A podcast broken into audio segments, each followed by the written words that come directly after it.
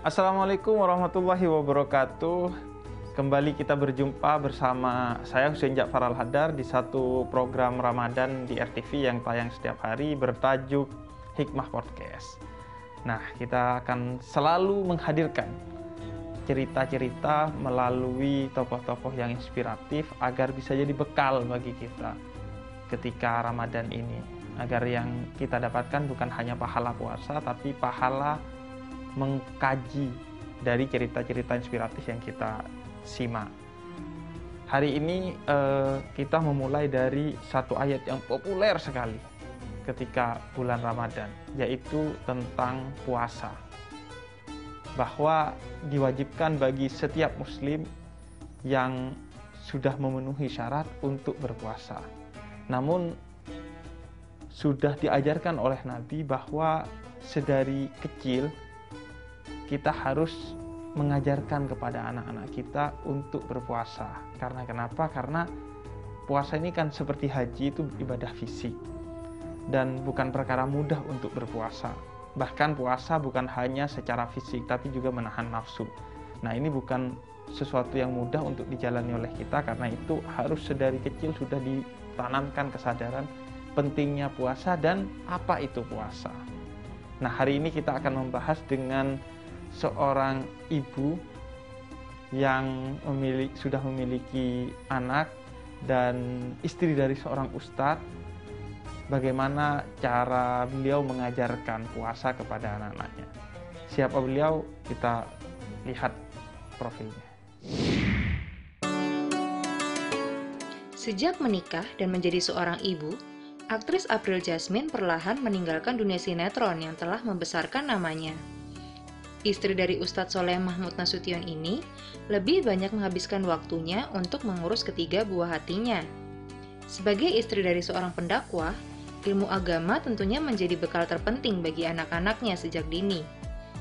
Bahkan, ia pun rela melepas putra sulungnya, Sultan Mahmud Kusyairi, untuk menimba ilmu di pondok pesantren saat masih kecil. Nah, memasuki bulan suci Ramadan, seperti apa perempuan kelahiran 1 April 1985 ini dalam mengajarkan anaknya untuk berpuasa?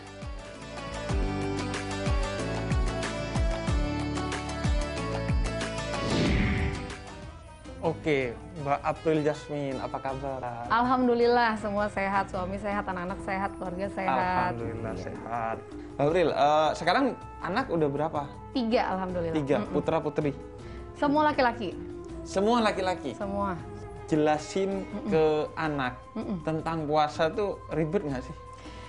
Sebenarnya uh, saya itu tipe yang ngebaca bagaimana diri saya waktu kecil gitu. Jadi hmm. orang tua saya juga nggak terlalu ngejelimet ngejelasin bagaimana kita harus ngelaksanain ibadah puasa, sholat dan lain sebagainya gitu nggak ngejelimet tapi ngasih contoh. Ngasih teladan. Heeh gitu. Jadi orang tua saya tuh uh, ya mau anaknya sholat nggak sholat zaman kita kecil dulu yang penting dibangunin sholat. Iya. mau anaknya males nggak males pergi ngaji yang penting dipanggilin guru ngaji gitu. Oh. gitu juga kalau puasa. Jadi di semua dibangunin sahur diajakin buka gitu. Walaupun kadang-kadang kan kita kecil dulu nyuri-nyuri ya. Kalau aku dulu uh, di kolong tempat tidur makan es krim gitu aduh enak banget gitu. Tapi uh, ternyata pas besar gitu udah mulai ada pemikiran uh, ini seperti udah jadi tradisi jadi kalau nggak dijalanin kayak ada yang hilang gitu. Mm -hmm. nah makanya saya begitu ke anak saya. Saya terus kasih contoh sambil uh, bilangin ke mereka bahwa ini bulan Ramadan. Jadi uh, mami ayah dan yang lainnya itu nggak puasa. Tapi kalau kamu mau ikutan nggak apa ikutan eh mami sama ayah dan lainnya tuh berpuasa hmm. nggak makan dari azan subuh sampai dengan nanti waktunya berbuka tuh azan maghrib gitu. Kalau kamu mau ikutan boleh. Misal waktu itu Sultan umur 4 tahun ya. Hmm. Jadi uh, abang makannya barengan sama kita pas sahur. Terus abang nanti boleh makan siangnya jam 12 pas zuhur. Mm -hmm. Nah nanti abang lanjut lagi nggak makan dan minum sampai dengan nanti pas maghrib, maghrib. buka.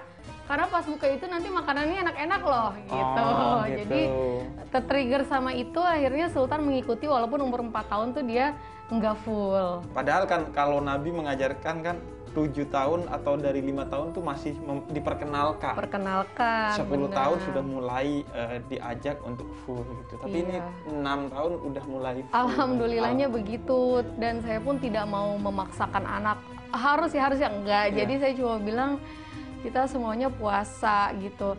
Kalau abang lelah, abang boleh tidur dulu gitu. hmm. gitu. Jadi puasa itu dia kan kadang lemes kan dia kan terus dia tidur gitu nggak apa-apa kita biarin. Tapi kayak kayak di nyanyian itu nggak, Mbak Frit? Ada anak bertanya pada bapaknya buat apa berlama-lama berlapar-lapar. Iya iya iya. Dia nanya nggak, ini kenapa?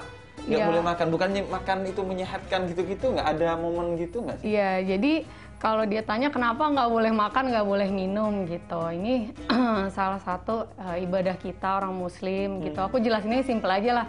Pokoknya makan paginya itu dimajuin bang. Sebelum subuh. Terus makan malamnya itu uh, pas uh, maghrib azan maghrib. gitu. Dan itu lebih nikmat bahasanya. Tuh itu lebih nikmat. Ah. soalnya pas kita di uh, lagi nggak makan lagi lapar-laparnya dikasih makanan pasti enak banget. Dan dia alhamdulillah uh, karena yang lainnya kamu puasa kamu puasa gitu. Jadi dia ngerasa aku juga mau puasa deh karena uh, semua orang di rumah puasa gitu. Jadi kalau yang dua tahun ini uh, mereka udah tanya kan mereka kalau lagi makan suka nyuapin ke aku juga. Hmm. mami cobain gitu. Enggak mami puasa. Nah aku nih bukan di bulan ramadan aja puasa. Jadi puasa, ya. puasa sunnah tuh ya. udah sering dan mereka udah sering denger Mami lagi puasa ya nggak makan hmm. iya gitu. Nah mereka udah paham kalau aku lagi puasa yang memang nggak boleh disuapin apa pun. Hmm. Jadi kuncinya sebenarnya memang uh, bagaimana kreatif kreatifnya kita iya. ya mengajak hmm. anak berpuasa dan memberi keteladanan kepada anak itu karena anak itu betul-betul melihat dan mendengar sekolah pertamanya itu adalah mata dan telinga sekaligus juga mulai mengedukasi bahwa puasa itu ajaran Islam, bahwa puasa itu penting bagi kita agar kelak dia bukan hanya menjalani puasa secara fisik, mm -hmm. tapi insya Allah juga dengan hati dan pikirannya juga. Betul. Oke, kita akan lanjut ngobrol dengan Mbak April, mm -hmm. seru banget. Uh, ngobrolin tentang banyak hal nanti kita akan lanjut di Hikmah Podcast bareng saya Hussein Ja'far Al-Hadar di RTV. Di saat itu tuh Sultan seneng banget roti coklat pas Sultan di pesantren, saya nggak pernah mau ngelihat roti coklat.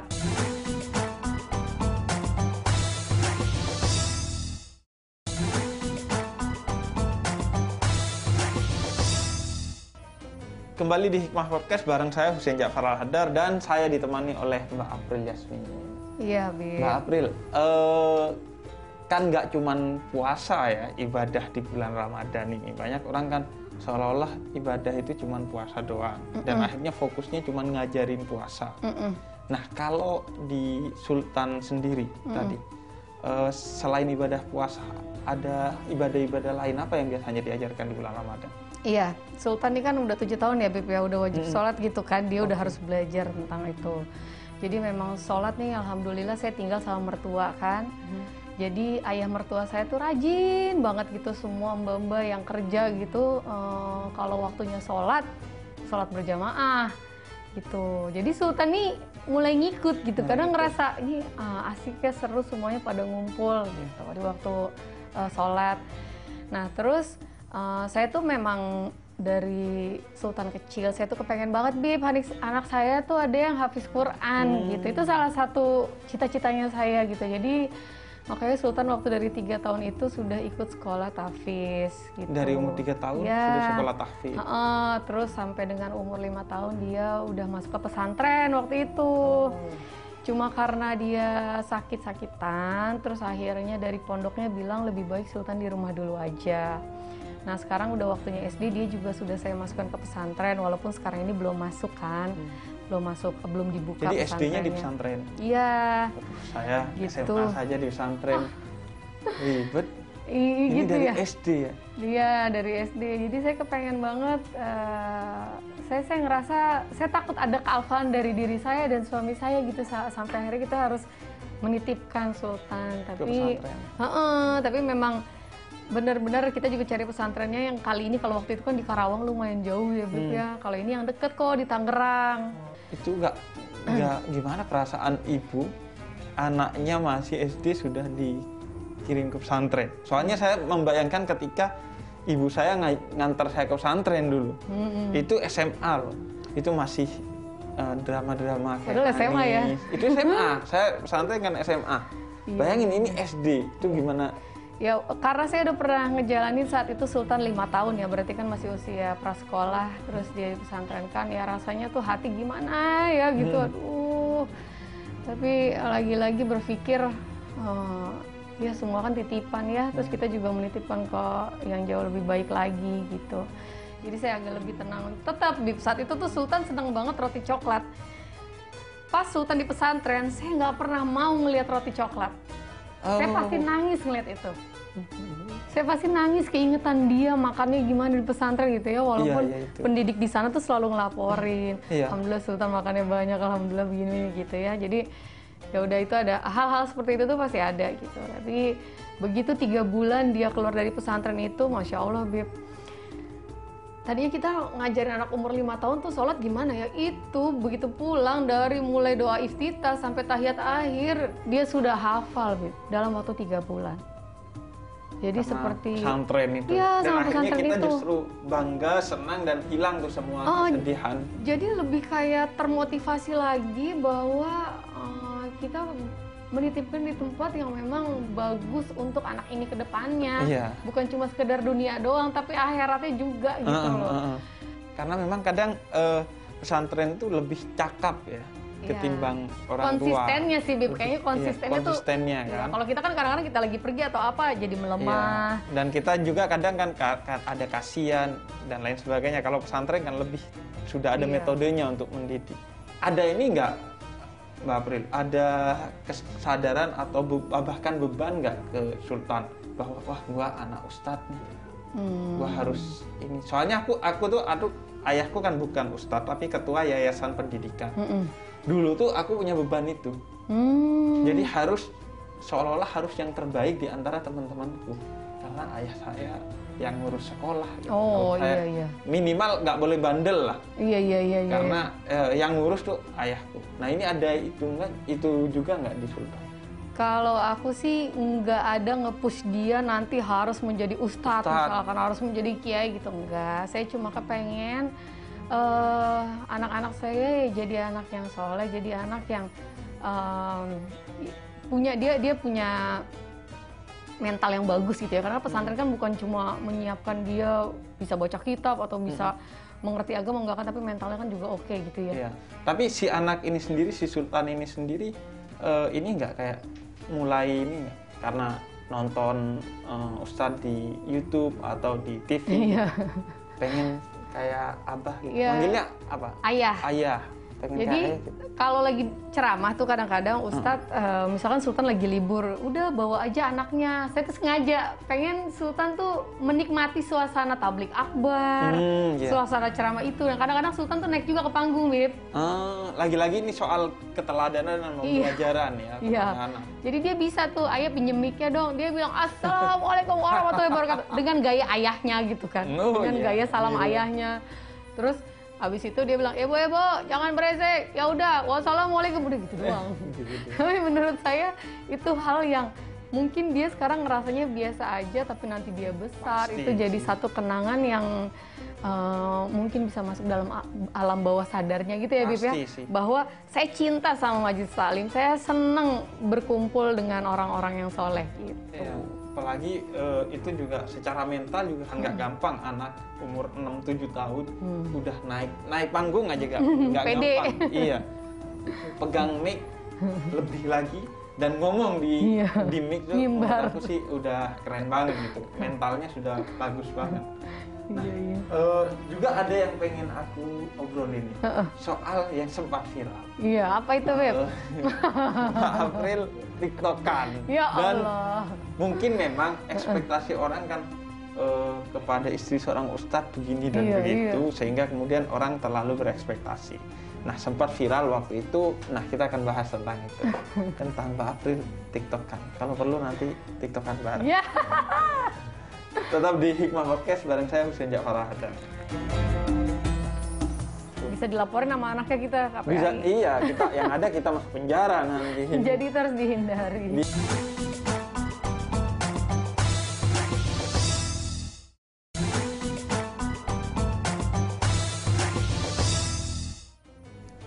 Kembali bersama saya sejak Farah Hadar dan saya ditemani Mbak April Jasmine. Mbak April katanya hmm. sempat heboh. Iya. Heboh karena TikTok kan. Iya. Itu gimana ceritanya? Katanya uh, joget di TikTok. Ya, bilangnya orang. Jadi gini, Bi, kita ini kan kadang-kadang judul ini menggiring opini ya. Mm -hmm. Ke sana joget, waduh istri iya. Ustadz joget. Nah, kalau kita lihat uh, apa selebritis gitu iya. kan. Kalau kita lihat faktanya, mm -hmm. orang nonton nih, gitu doang Pril saya pakai baju alhamdulillah tiap hari pakai baju gombrong bib gombrong. jadi emang kebiasaan ya udah gitu emang iya. kita pakai baju syari hari-hari terus uh, ya itu kan seru-seruan sama teman-teman terdekat saya mm-hmm. gitu ya terus uh, gerakannya juga potong bebek angsa banget lah gitu-gitu mm-hmm. doang jadi menurut saya itu adalah bagian dari olahraganya saya, hiburannya saya gitu. Tapi mungkin banyak tadi Habib bilang banyak yang berekspektasi iya. kalau istri Ustadz itu yang kalem, istri Ustadz yang begini. Uh, selanjutnya ada curhat dari pendengar nih. Ya. Nah, kita akan nyimak biar nggak kita doang yang ngobrol, kita simak curhatan dari pendengar RTV. Oke, kita baca nih curhatannya. Ya. Mbak kita bareng-bareng nih kayaknya jawabannya bisa kita berdua nih. Boleh, Habib. Pertama dari Ed Ader 604O. Ader 604O. Assalamualaikum. Waalaikumsalam. Saya ingin bertanya bagaimana kiat mengajarkan puasa kepada anak agar bisa menjalani puasa itu sebagai kegiatan yang menyenangkan di samping sebagai sebuah kewajiban ibadah kita. Ya tadi sebenarnya tipsnya sudah diajarkan hmm. oleh Mbak April, tapi secara umum sih yang saya tangkap adalah beri keteladanan. Ya jangan ayahnya sambil ngerokok nak puasa gitu jangan ngerokok ya cukup ya. ayah yang rusak itu anda percuma karena itu pelajaran bukan dari Pak April utamanya bukan dari saya tapi utamanya dari Nabi iya. Muhammad bahwa utamanya itu adalah keteladanan Betul. agar orang itu bisa dipengaruhi bahkan bukan hanya anak-anak orang dewasa pun mm -mm. itu bisa dipengaruhi oleh keteladanan dan untuk anak-anak menurut aku tambahannya adalah uh, setiap anak itu punya zamannya masing-masing. Hmm. Maka kata Sayyidina Ali, didiklah anakmu sesuai dengan zamannya, hmm. jangan sesuai dengan zamanmu. Kita sering tuh maksa anak berpuasa, hmm. mengajarin sholat, gayanya gaya kita hmm. atau gaya orang tua kita masih dipukul lah kalau yeah, dulu kan iya. pakai pukulan sekarang udah gak nyaman gak bisa gak nyaman gitu bisa dilaporin sama anaknya kita KPI. bisa iya kita yang ada kita masuk penjara nanti jadi terus dihindari dihindari apalagi kalau zaman dulu ayah saya uh, tinggal maghrib tuh tinggal matiin aja TV. Iya. Udah selesai. Tapi sekarang kan TV-nya ada di Handphone. tangan anak-anak gitu. Jadi memang lebih harus mengajarkan sesuai dengan zamannya hmm. dan sesuai dengan dunianya anak agar anak juga e, merasa nyaman, Betul. menyenangkan ketika menjalani ibadah itu bukan hanya sebagai kewajiban. Iya benar. Kayak jadi... tadi main gimmick-gimmick apa kayak iya. main ngasih uh, sesuatu lah dan lain sebagainya ya, Betul. ya Mbak April. Jadi uh, membuat ibadah ini bukan menakutkan tapi ternyata uh, menyenangkan. menyenangkan gitu. Ya. Nah ini ada pertanyaan kedua dari Ed Sriyuni Sutrisno.